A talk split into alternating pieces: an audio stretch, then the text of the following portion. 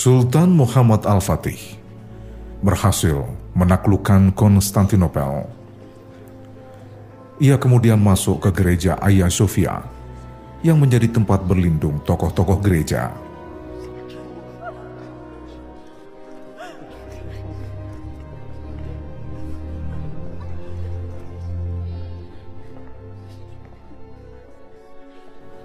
Sultan Muhammad Al-Fatih menghampiri mereka, lalu mengatakan, "Semua akan mendapat perlindungan." Sultan juga meminta mereka yang ketakutan itu pulang ke rumah masing-masing dengan aman.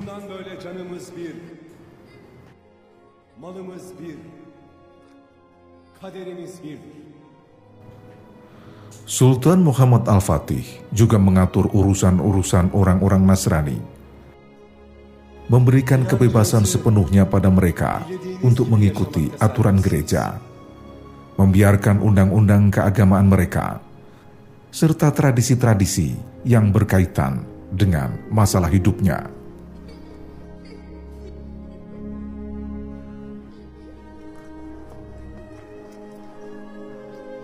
Tak hanya itu, Sultan Muhammad Al-Fatih juga membiarkan para pendeta memilih sendiri kepala uskupnya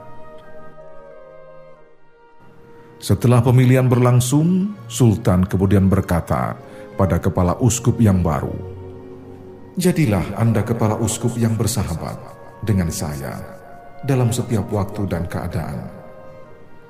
Nikmatilah semua hak dan konsesi yang pernah dimiliki oleh pendahulu-pendahulu Anda."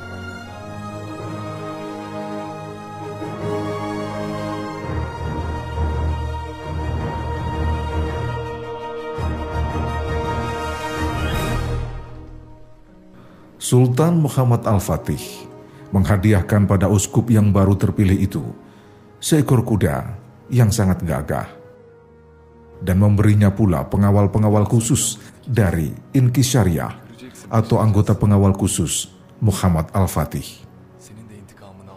Ia lalu menegaskan pengakuannya terhadap undang-undang gereja ortodok dan meletakkannya di bawah kekuasaannya.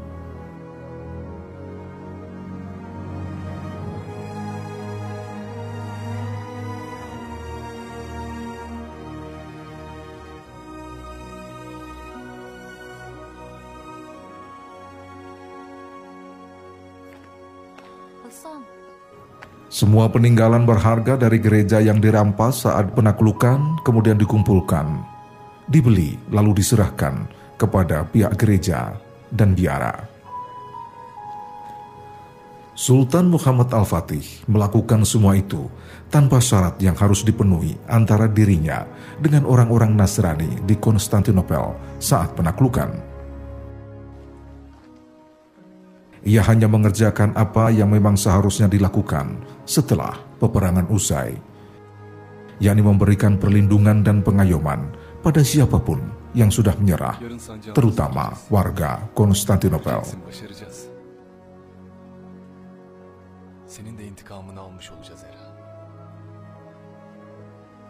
Upaya itu menyebabkan warga Konstantinopel di kemudian hari merasa berada dalam pengayoman negara Islam ternyata lebih banyak mendapat keamanan, kedamaian, dan kebebasan beragama daripada di bawah kekuasaan pemerintahan Bizantium.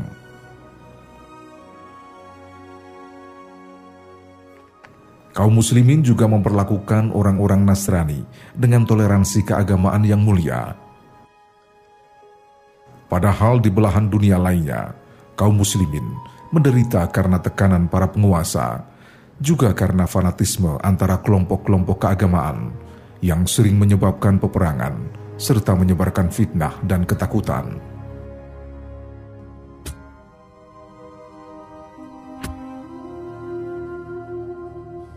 Sejarawan Charles Deal mengatakan, ketika ratusan tentara salib yang mabuk memasuki gereja Santa Sophia mereka merusak kitab-kitab suci dan menginjak-injak lukisan para suhada.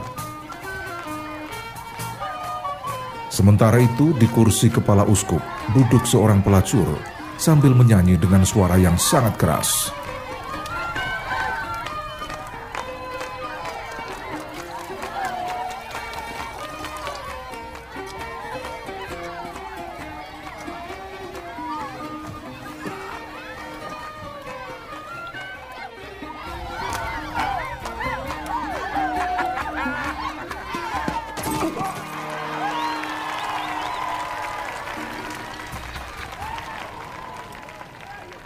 Karya seni di kota itu dimusnahkan dan patung-patung diluluhkan, kemudian ditempa menjadi uang logam.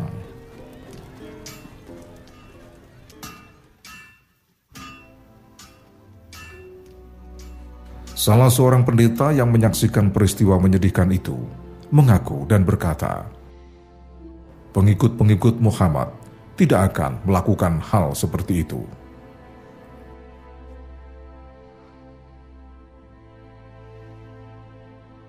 Sejarah juga mencatat ketika orang-orang Spanyol menguasai Granada yang merupakan kerajaan Islam terakhir di Andalus.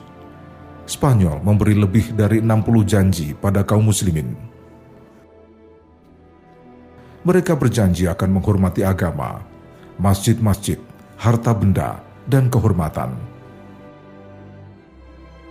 Ternyata tak satu pun janji ditepati dan tak ada jaminan yang dipenuhi. Mereka bahkan tak segan menumpahkan darah serta menjarah harta kaum muslimin.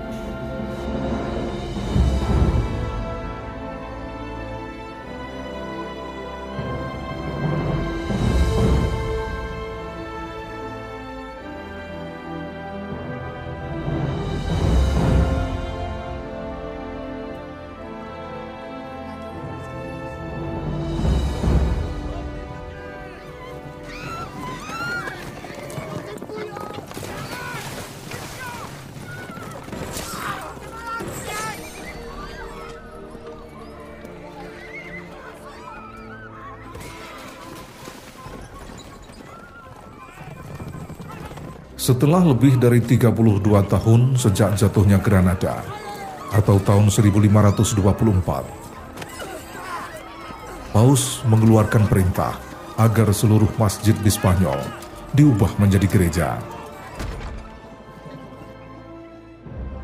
Tak lebih dari empat tahun kemudian, tak seorang muslim pun yang masih tersisa di Spanyol.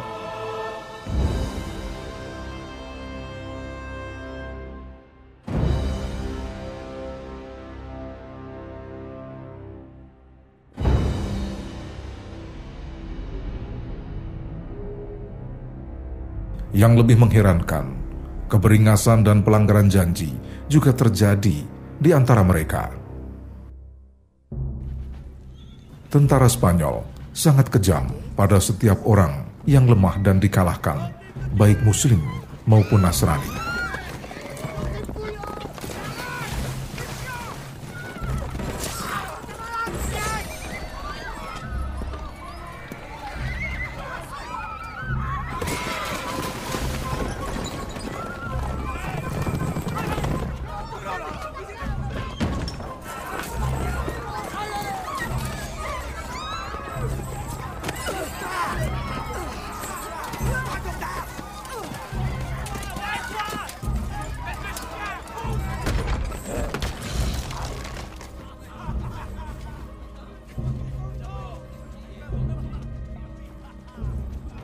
Seorang pendeta Santa Denis yang bekerja sebagai pendeta pribadi Raja Louis VII, yakni pendeta Edward Willy yang menyertai raja dalam ekspedisi salib kedua, menulis tentang sebagian kesaksiannya.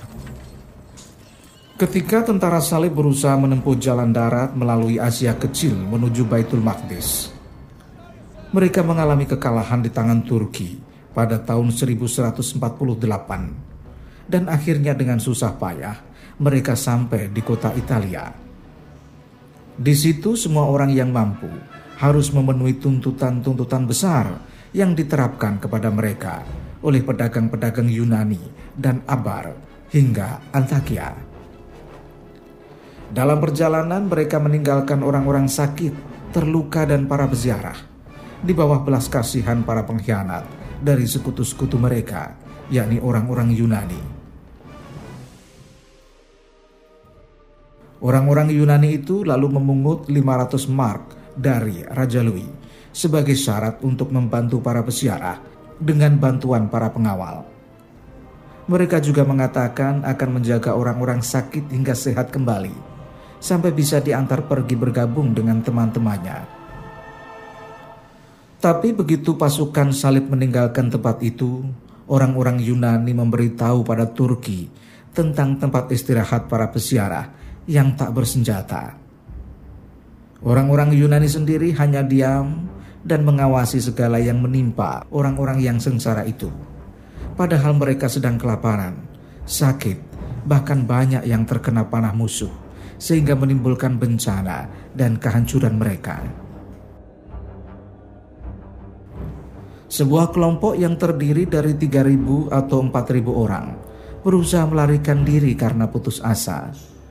Namun orang-orang Turki yang telah mencapai tempat peristirahatan mereka menyerang hingga tercapailah kemenangan di pihak Turki.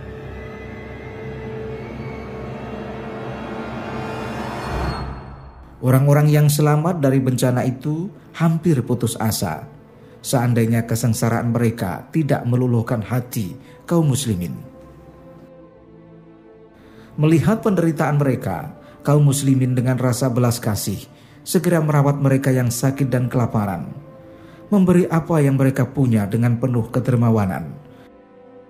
Bahkan sebagian kaum muslimin membeli mata uang Perancis yang dirampas orang-orang Yunani dari para peziarah. Uang itu kemudian mereka dermakan kepada orang-orang yang tidak mampu. Hal itu berbeda dengan perlakuan yang diterima para peziarah dari saudara-saudara mereka seagama yang begitu bengisnya terhadap sesama.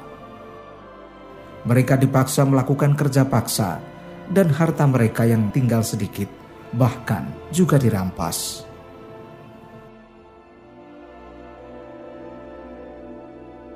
Melihat sikap kaum muslimin, maka banyak di antara mereka yang akhirnya memeluk agama Islam dengan sukarela. Bahkan lebih dari 3.000 orang bergabung dengan tentara Turki.